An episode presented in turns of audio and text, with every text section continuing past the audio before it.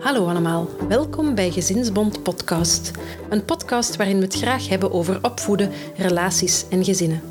Ik ben Marijke, educatief medewerker bij Gezinsbond en mama van twee lieve, energieke jongens. In deze reeks Even met twee hebben we het over de eerste jaren als ouder. Niet alleen verander je zelf als je mama of papa wordt, ook in je relatie met je partner is het opnieuw zoeken en balanceren. We praten in deze reeks met enkele partners en experten. Zometeen ga ik videobellen met Katrien Lagroux, klinisch psychologe, relatietherapeut en bovendien een fijn en warm persoon. Zij gaf op maandag 29 maart een webinar over wat als liefde onder spanning komt te staan.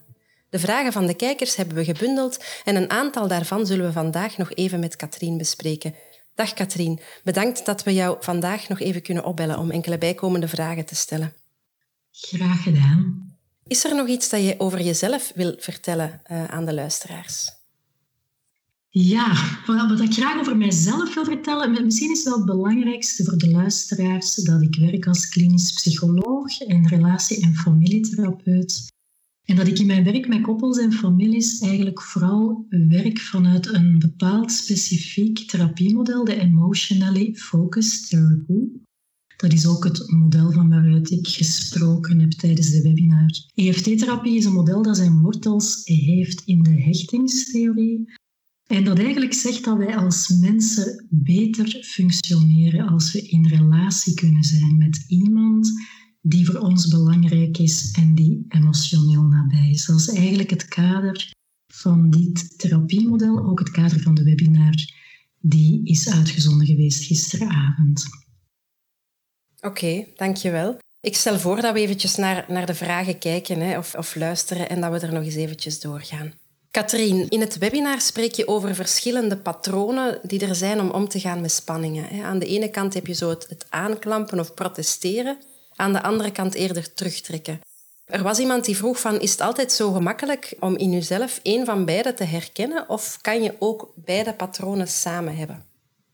Ja, wel, inderdaad. dat, is een, dat is een hele goede en belangrijke vraag. Een vraag die we regelmatig krijgen. Want als we dat natuurlijk zo uitleggen hè, over die verschillende posities en die verschillende basispatronen, ja, dat, het, het klinkt dan makkelijk. Hè. En het is natuurlijk, het is niet onze bedoeling, niet mijn bedoeling, dat ik de indruk wek dat dit een soort van klassificatiesysteem is. Hè. Dat je of het ene of het andere bent. En dat je relatie heel duidelijk in één van deze drie patronen valt. Wat wel zo is, is dat de meeste mensen, de meeste koppels, een bepaalde positie en een bepaald basispatroon vaker gaan herkennen in hun relatie. En het biedt vooral een aanknopingspunt, een richting om samen te gaan stilstaan bij A, als dat dan zo in zijn werk gaat, als dat de dingen zijn die mensen doen op het moment dat ze zich onveilig voelen, of dat ze spanning voelen, ofwel gaan aanklampen, ofwel gaan terugtrekken, als dat de twee bewegingen zijn, en dat gaat eigenlijk over nabijheid zoeken of afstand nemen op het moment van spanningen, dan kan jullie dat helpen om in kaart te brengen hoe zit dat nu eigenlijk bij ons? Welke stappen zetten wij op het moment dat we afstand voelen, dat we spanning voelen tussen ons. Wat doen wij dan? Wat doe jij en wat doe ik? En, en voor sommige koppels zal dat heel duidelijk in een van die basispatronen vallen. En ga je, ga je merken van, ja, wij zijn heel duidelijk een combinatie van de ene partner die eerder aanklampt en de andere partner die eerder terugtrekt. Mhm. Maar sommige koppels zeggen wel eens van ja, bij ons is het een beetje ingewikkelder. Wij, wij, doen precies allebei iets van die twee posities of van die beide strategieën en dat is best mogelijk. Het gaat erom dat deze basispatronen vooral een idee geven van welke bewegingen we zien in relaties. Dat je kan gaan merken bij jezelf, wat doe ik op het moment van spanning? Neem ik afstand of zoek ik net contact door te gaan protesteren? Mhm. En dan ga je meestal wel een bepaalde dominante basisstrategie herkennen bij jezelf in deze specifieke relatie. Ja, dus het zou kunnen dat je, in een, uh, dat je merkt, in mijn relatie die ik nu heb, ben ik eerder iemand die mij altijd terugtrekt. Maar in, in mijn vorige relatie bijvoorbeeld was ik wel eerder die een aanklamper of zo. Allee, een beetje kort door de bocht misschien, maar dat zou kunnen, ja. Ja, absoluut. En, en dat is, dat is kei tof dat je dat zo opmerkt. Want wat je doet, hè, dat heeft enerzijds te maken met het temperament waar jij mee geboren bent, met de ervaringen die jij hebt gehad in eerdere belangrijke relaties, ook in de allervroegste relatie met onze ouders. En dat is het ene deel van het verhaal. Maar wat je doet, heeft ook iedere keer te maken met de context van de relatie zelf. Mhm. En dat is eigenlijk wat, wat, je daar een beetje uitlegt. Van ik merk in deze relatie met mijn partner doe ik iets terugtrekkerigs. En dat is ook logisch, want de positie die je inneemt, die wordt mee bepaald door wat er tussen jullie gebeurt. Die wordt mee bepaald door de context van jullie relatie. En een andere relatie is weer een andere relatie. En daarin ga je misschien jezelf wel iets anders zien doen. Afhankelijk van de kwaliteit van die relatie en afhankelijk van de persoon met wie je daar een relatie hebt. Mhm. Dus het is, het is absoluut dynamisch. Ja, oké. Een kijker vertelde dat hij of zij meer de, de emotionele is, hè, die soms uitbarst, veel commentaar geeft um, en die zich ook wel alleen voelt met de to-do-lijstjes. En ja, ook wel zichzelf erop betrapt dat, dat zij dan liever zwijgt als ze, als ze boos wordt en contact gaat vermijden. Hè. Dus langs de ene kant inderdaad zo uitbarstingen, hè, emotionele uitbarstingen. Langs de andere kant toch dan, als ze die, die kwaadheid voelt, um, het contact een beetje afsluiten ze zegt zelf van misschien is dat meer een soort van, van protest dan, dan angst voor de confrontatie. Ja, en ik heb die vraag inderdaad zien passeren. Ik, ik denk dat het belangrijk is dat het klopt wat ze daar opmerkt. Hè. Dan klinkt het als dat haar afstand nemen van haar partner nog steeds een heel geladen manier van afstand nemen is. Hè. Dat de, de emoties heel erg op de voorgrond staan. Dat ze heel erg in voeling is met eigenlijk haar behoefte aan nabijheid en contact voelen met haar partner. En dat ze ja, in de grond eigenlijk contact nodig heeft om zich rustgesteld te voelen. Ja. ik heb in de webinar uitgelegd dat als er spanningen zijn in relaties, dan zijn we eigenlijk ook een beetje in paniek. Want het gaat om onze angst om de veilige verbinding te verliezen. En, en onze breinen, ja, dat zijn die twee verschillende posities in relaties. Van de, er zijn verschillen tussen wat mensen nodig hebben om zich weer een beetje rustig te gaan voelen. En deze dame lijkt mij iemand die, om weer rustig te kunnen worden, vooral behoefte heeft aan haar partner nabij kunnen voelen terug. Hè? En dat daar het protesteren mee te maken heeft. Ja, ja ze zegt ook, ik voel mij alleen met mijn to-do-lijstjes. Dus ja, daar, daar, zit eigenlijk, daar zitten ook wel wat verschillende laagjes in eigenlijk. Hè? Eigenlijk stelt zij de vraag, ben ik belangrijk voor u? Mhm. Want als jij niet helpt met die to-do-lijstjes, waarvan de, je weet dat die voor mij eigenlijk belangrijk zijn, dan wordt dat voor mij een signaal. Of dan ga ik dat verstaan als, ah, zie je wel, ik ben niet belangrijk voor u. Mhm. Want jij helpt mij niet met die to-do-lijstjes. Dat is wat er bij deze mevrouw eigenlijk gebeurt. Ja. En we kunnen ons voorstellen dat haar man ja, de manier waarop zij dan probeert hem in beweging te brengen om haar meer te gaan helpen. We kunnen ons iets voorstellen bij dat dit voor haar man mogelijk als kritiek voelt. Hè? En dat hij uh, van binnen gevoelens gaat ervaren, lastige gevoelens die meer gaan over, ja, zie je wel, ik kan nooit goed doen voor jou, en want nu gaat het over jouw to-do-lijstje, maar je ziet niet wat ik wel allemaal doe in mhm. huis. En waar ik wel mijn best probeer te doen. En dan vergeet je dat ik dit en dat en dat heb gedaan. En dat is, dat is een, een, typische discussie die je vaak ziet terugkomen in koppels. Ja, iemand anders die zei ook, um, ik besef dat ik eerst meer het protesteertype was, maar stilaan ben ik geëvolueerd naar een, een meer terugtrektype, omdat ik vond dat ik er alleen aan wou werken. Ja, wel, en de, de vraag is een beetje wat deze opmerking betreft. Van wij, wij horen dit wel vaker, hè, dat partners die heel lang geprotesteerd hebben, die bij wijze van spreken al heel lang op de deur kloppen in de hoop dat ze ja, hun partner die eerder terugtrekt of zich eerder verbergt of eerder vermijdend aanwezig is in de relatie, hè, in de hoop dat ze die kunnen bereiken. En soms hebben ja, partners, soms hopen partners zodanig ja, vast in dat gevoel van ik sta er alleen voor en het lukt mij niet om jou in beweging te brengen en ik voel jou niet en ik kan jou niet bereiken. En keer op keer die bevestigt in mijn gevoel dat je geen rekening houdt met wat voor mij belangrijk is. En ik heb nu al zo vaak geprobeerd om dit aan te kaarten. En ik heb al zo vaak geprobeerd om het jou uit te leggen. En dan nog gebeurt dit. En, en dan ontstaan er van die hele lastige cyclussen, dynamieken in relaties, waar mensen ook uitgeput door geraken. En waar zeker die protesteerders, partners die protesteren, die heel veel energie stoppen in, in ja, ook, ook het boos worden, het ruzie maken. Daar gaat veel energie naartoe. Hè. En die energie die komt voort uit, hé, hey, waar ben je? Mhm. Ik voel jou niet. Hè. En die in de oorsprong, in de kern eigenlijk iemand is die eerder zal protesteren, dat die gaat opgeven. En dat, dat is iets anders dan terugtrekken. We zeggen dan wel eens dat dan een aanklamper met een burn-out is. Een opgebrande aanklamper. Iemand die moe is, die moe gestreden is. En dan in de zin van, van moe, van inderdaad altijd maar dat, dat aanklampen en dat, dat protesteren. Ehm, daar, en daar weinig reactie op te krijgen, van daar dan eigenlijk moe van te worden. Ja, ja, vandaar moe van te worden. Nu, die andere partner die voelt zich hier ook heel ellendig en alleen bij. Mhm. Want die, ja, die, die is op zijn of haar manier ook uitgeput hè, van alle ruzie, van alle conflicten, van al het maar niet kunnen verstaan van, van elkaar, hè, van het zich niet begrepen voelen.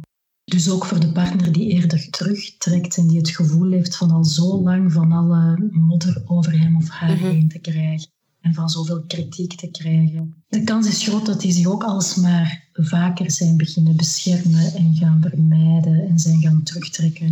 Ja, waardoor je een, een, een koppel krijgt, een relatie krijgt waarin er een punt komt waarop niemand nog probeert om contact met elkaar ja. te maken.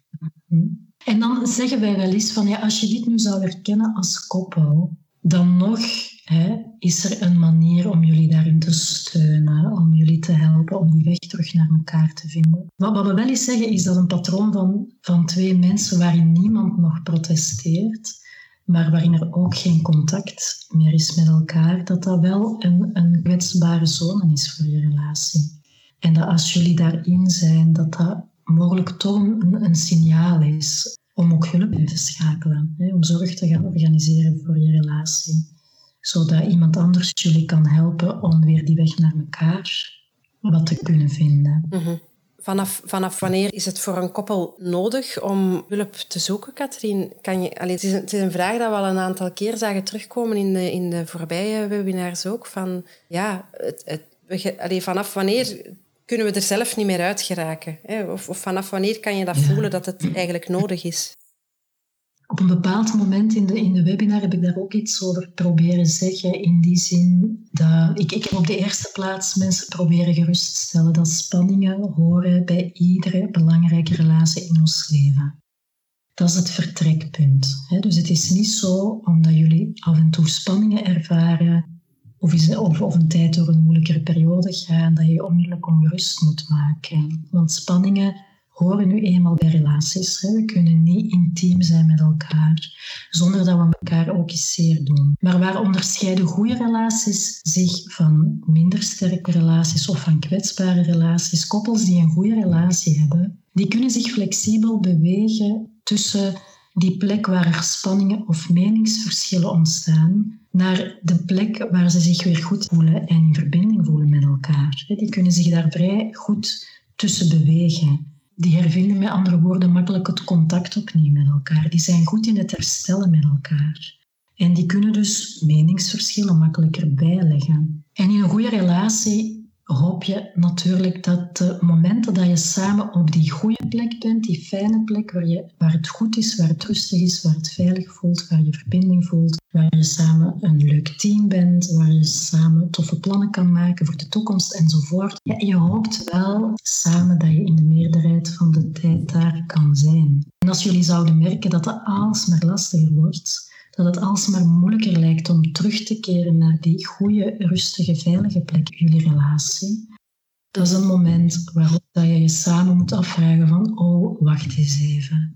Want nu voelt het alsof het vaker moeilijker is dan dat het leuk is. Nu voelt het alsof het vaker onveilig is dan dat het veilig of rustig voelt. En dan is het niet meer tof. Hoe graag dat we elkaar ook zien, dit is niet meer leuk. We willen meer terug van het andere. We willen meer terug van waar we, wat we goed hebben met elkaar samen. Dat lijkt mij een signaal van, ja, om dan wel wat extra steun en wat extra zorg in te schakelen. Mhm. Ja. ja. Oké. Een aantal vragen gingen ook over het tijd maken voor elkaar. Er is een koppel die zegt van voor ons is het vaak moeilijk om, om tijd voor ons beiden te hebben zonder uh, onze kleuter van drie jaar. Onze achterban is heel beperkt. We hebben ook geen grootouders waar we beroep op kunnen doen. En we merken beide dat dit echt wel een zware lading op de relatie is.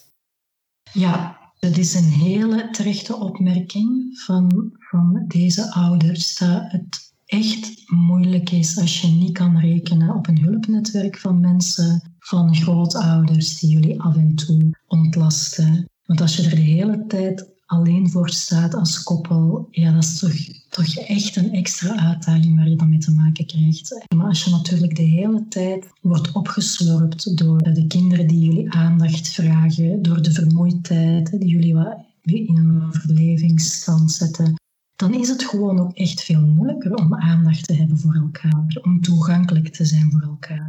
Ja, en dat is dan in deze tijden nog een extra uitdaging voor, voor vele mensen ook, denk ik. Ja, en er zijn vaak koppels die bij mij komen en waar dat ik hoor in hun verhaal dat wat er vooral ontbreekt, tijd is. En dan bedoel ik een beetje kwaliteitsvolle tijd. Tijd waarin ze elkaar ook effectief eventjes kunnen tegenkomen. Waarin ze elkaar ook echt even kunnen ontmoeten. En dit zijn de koppels die dan van zodra dat ze dan toch samen die tijd weer wat vinden, hè, door, door, door ergens toch eens een weekendje samen voor hun twee te kunnen inplannen, of eens een avond naar de sauna te kunnen gaan. Maar inderdaad, dit valt ook allemaal weg op dit mhm. moment. Maar dit zijn de koppels die dan, als ze daarvan terugkomen, zeggen van ah, we zijn zo blij dat het er nog was, dat we gevoeld hebben dat van zodra dat er wel weer tijd komt en dat we iets meer energie hebben om er te zijn voor elkaar, dan, dan voelden we terug de verbinding. Dan, dan voelden we terug hoe fijn en hoe leuk het eigenlijk is om samen te zijn. Dus die koppels heb je ook, hè, waar eigenlijk het grootste probleem het vinden van die tijd met elkaar is, omdat ze in die red race zitten of omdat ze nu in dit corona-verhaal ja, gewoon geen, geen ruimte hebben voor hun partnerrelatie. Mhm. Ja, en dan zou het misschien soms al eens kunnen helpen om als je allebei thuis werkt, bijvoorbeeld over de middag, samen een wandeling te maken of gewoon al even samen eh, de, de boterhammetjes op te eten. Hè. Absoluut, ja. ja. ja. ik merk van alle koppels die nu komen in therapie dat zij dat vaak benoemen als het allerlastigste in deze periode van covid-crisis. De gezinstijd ervaren ze vaak als positief, hè, de extra gezinstijd, maar de partnertijd zijn ze vooral kwijtgeraakt. Ja. De mogelijkheden om als partners met hun tweetjes te zijn. Ja een oproep om daar eens even over na te denken. Hoe dat, dat uh, terug kan, uh, kan komen in deze tijden. Ja. Oké. Uh, iemand anders gaf aan dat de partner onmiddellijk aandacht wil als ze van een vermoeiende werkdag thuiskomt. Hij wil dan ook vanaf dat ik thuis kom alles samen doen en dat is voor mij verstikkend. Kan hij mijn aandacht niet krijgen, dan wil hij die van de kinderen. alleen activiteit doen is voor hem heel moeilijk en hij voelt zich afgewezen en ik voel mij verstikt. We zijn een nieuw samengesteld gezin. Hij woont uh, in mijn huis. Bij een ja, relatiebreuk zou hij dus veel meer dan enkel zijn partner verliezen. Financieel heeft hij uh, geen reserves. Hij, hij, weet dat ik mij terugtrek en ik vraag hem om ruimte.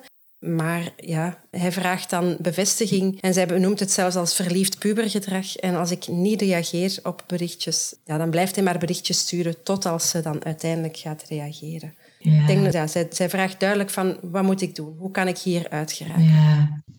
Ja, wat, wat zij eigenlijk beschrijft is in zekere zin de manier waarop een van die basispatronen, die relatiepatronen, er kunnen uitzien in relaties. Hè. Dit, dit is een patroon zoals het in actie schiet in het dagdagelijkse leven. in de theorie zouden we zeggen, hier is iemand, in dit geval de vrouwelijke partner die als ze thuis komt behoefte heeft aan een beetje afstand, aan wat tijd voor zichzelf om rustig te kunnen worden.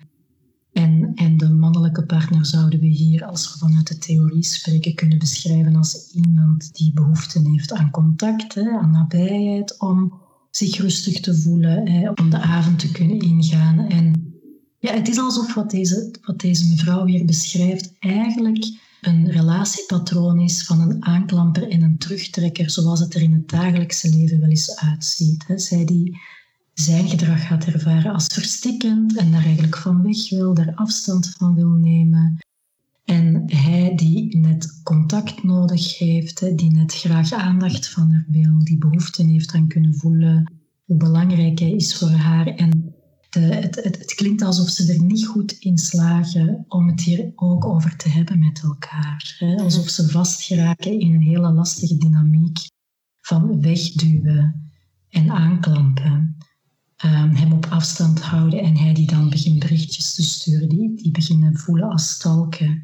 Dat is wat hier een beetje aan de hand is, denk ik. Ik denk dat dit koppel verstrikt is geraakt in een lastige dynamiek waarin het op dit moment moeilijk is voor hen om het met elkaar te gaan hebben van hé, wat betekent dit eigenlijk? Van wat, wat betekent het als jij tijd nodig hebt voor jezelf als je thuiskomt van het werk? Want voor de man zou dat kunnen klinken als als jij dan niet responsief bent en als ik jouw aandacht niet voel als je thuiskomt van het werk, dan maakt mij dat eigenlijk best onzeker en bang over of dat jij mij nog aantrekkelijk vindt en of jij mij dan wel belangrijk vindt. Dat maakt mij onzeker. En, en als we het daar niet over hebben met elkaar, dan, dan zal die onzekerheid gevoed blijven worden. Ja. Ik denk dat ik dit koppel zou uitnodigen om daarbij stil te staan. Bij hoe doen jullie dat? Spreken over deze kwetsbare gevoelens. Over wat er in jullie zelf gebeurt. Ja. En in eerste instantie dan ook eerst eigenlijk voor zich bij zichzelf gaan kijken van, van waar komt dit, hè, dit gevoel? Of van waar komt die, deze, deze, deze behoefte, deze noodzaak bij mij?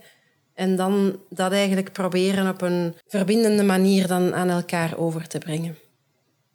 Ja, en dat is natuurlijk de clue, hè, want dit, dit klinkt absoluut zoveel makkelijker dan dat absoluut, het is. Ja. ja, want dat, ik weet nu niet hoe dat het voor dit koppel is hè, dat je inbrengt, maar ik stel mij voor dat zij mogelijk ook in hun leven niet goed hebben kunnen ervaren of hebben kunnen leren hoe dat je dat doet. Hè. Mhm. Hoe doe je dat? contact maken met wat voor jou belangrijk is in jezelf en waar jij nood aan hebt en wat jou soms bang maakt. Ja. Zijn er mensen geweest die jou daarbij hebben geholpen in jouw leven? En, en mogelijk zitten daar ook best kwetsuren op. Hè? Heb, je, heb jij geleerd in andere belangrijke relaties dat je, of ben je gaan geloven of jezelf gaan vertellen dat je te moeite waard bent, dat je niet belangrijk bent, ja, niet, niet aantrekkelijk genoeg bent of geliefd genoeg. Al dat soort beelden kunnen ook een rem zijn op het risico durven nemen om dan te gaan spreken over die hele ja. Ja. gevoelige dingen. Dus misschien ook daar, als het echt te moeilijk wordt om, om, het, om, om het allemaal uit te spreken, dat er dan toch ook de stap naar hulp, um, ik ga niet zeggen nodig is, maar wel ja, kan, kan helpen. Hè? Dat dat zinvol kan zijn. Ja, en ik denk dat koppels daar meestal net te lang mee wachten, dan dat ze te snel komen eigenlijk. Ik denk misschien de, de, de hou me vast waar dat je het ook over had in het webinar, dat is misschien iets dat dan voor een aantal koppels wel wat gemakkelijker toegankelijk is, omdat je daar nog niet zo de term therapie op moet plakken? Of? Wel, het is een beetje dubbel, denk ik. Ik denk dat soms het groepsgebeuren de drempel is voor veel koppels. Al, alhoewel dat we hoe langer hoe meer merken dat koppels wel hun weg vinden en dat de ervaring van de groep net een hele grote toegevoegde waarde heeft in hun, in hun beleving van die twee dagen.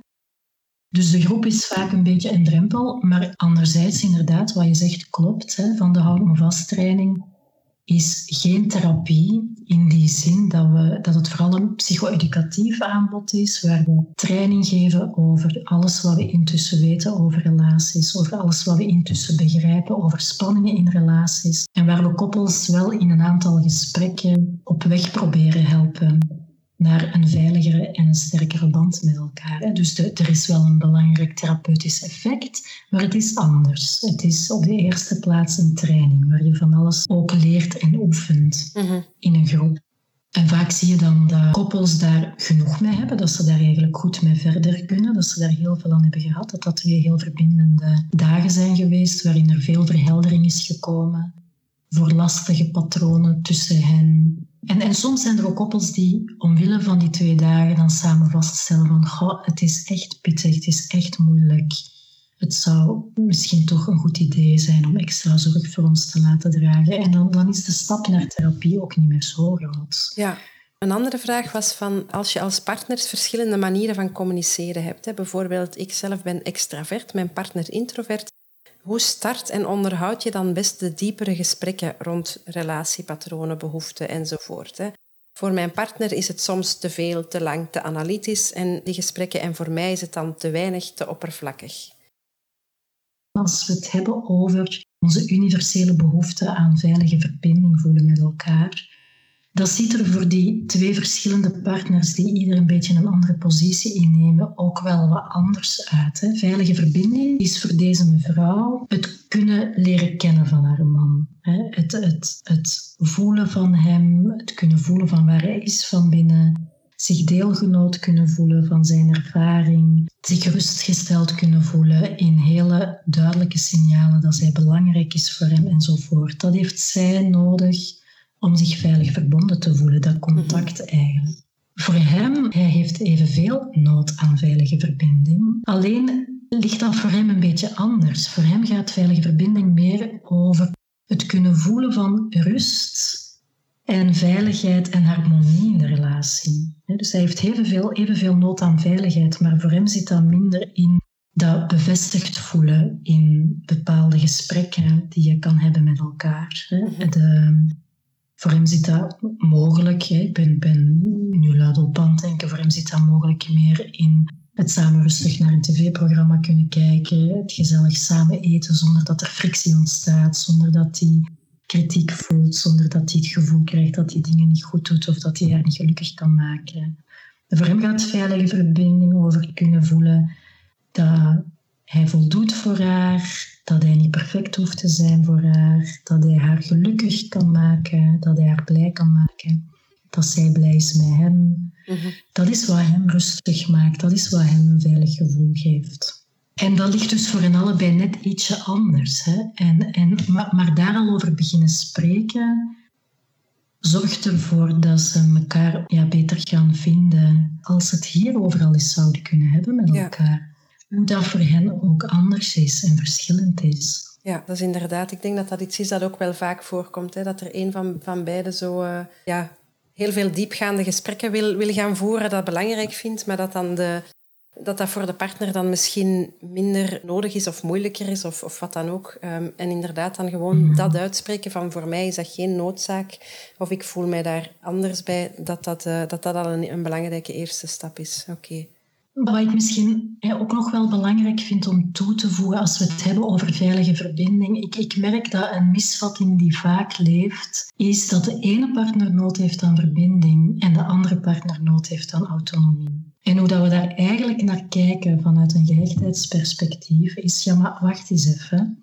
Iedereen heeft nood aan veilige verbinding. Het is niet zo dat de eerder aanklampende partner nood heeft aan verbinding en de eerder kende partner nood heeft aan autonomie. Zo zit het niet in elkaar. Jullie hebben allebei nood aan veilige verbinding. Dat is een belangrijke nuance, want die twee types van partners die hebben allebei evenveel nood aan het kunnen voelen van veiligheid en rust in hun relatie. En als die er is, dan komt er zoveel ruimte vrij voor heel veel andere leuke en belangrijke dingen in jullie leven.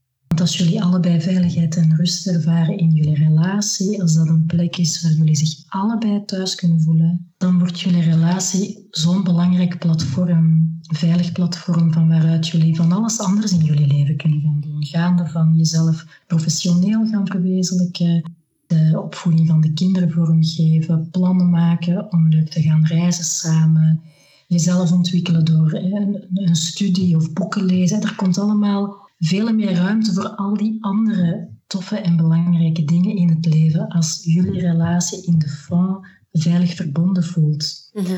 En dus ook aanklampende partners genieten van dat gevoel van autonomie. Als zij zich veilig verbonden voelen, als zij voldoende contact voelen met hun partner, dan genieten zij ook van die autonomie. Dan genieten, en wij noemen dat wel eens in EFT, noemen wij dat wel eens effectieve afhankelijkheid, zeggen wij wel eens. Omdat wij niet geloven dat er zoiets bestaat als totale onafhankelijkheid. Wij zeggen eigenlijk van ja, maar daar zijn mensen niet voor gemaakt. In de kern hebben wij het nodig dat er een plekje is waar wij ons van betekenis kunnen voelen. En als dat plekje er is in ons leven, waar wij ons thuis voelen, waar we ons van betekenis kunnen voelen, dan komt er ruimte voor al die andere geweldige, toffe dingen in ons leven. In onze job, in onze studies, in de relatie met onze kinderen enzovoort.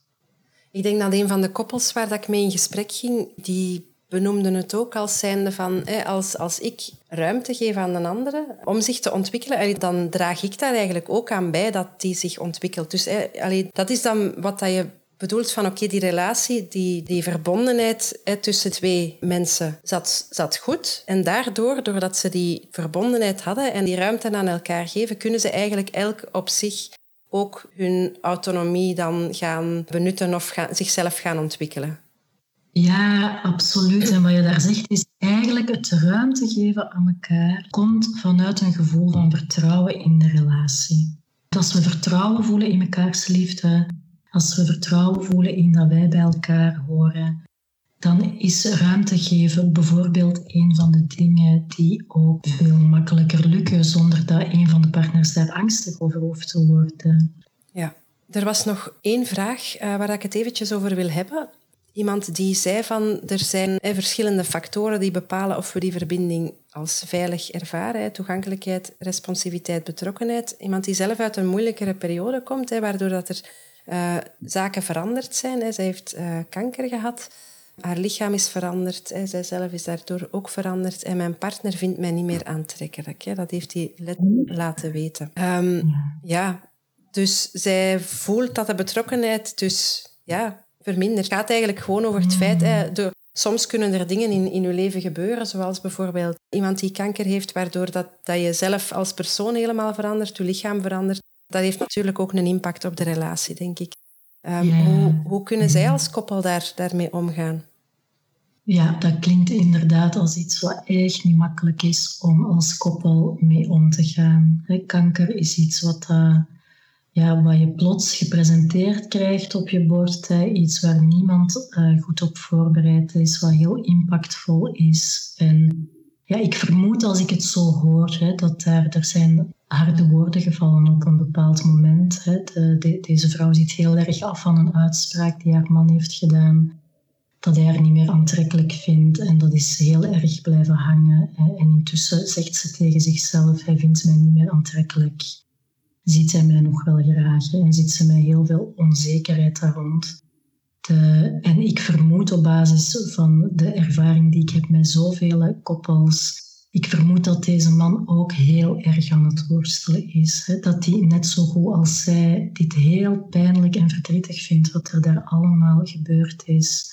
Dat de kanker er ook bij hem heeft ingehakt. Hè? Ook bij hem zorgt voor heel veel onzekerheid, voor heel veel moeilijke ervaringen en gevoelens. En, en ik vraag me af of zij al voldoende in, de, in staat zijn geweest om elkaar daarin te ontmoeten. Hè, om bij wijze van spreken elkaar recht in de ogen te kijken en het te hebben over wat dit allemaal met hen gedaan heeft.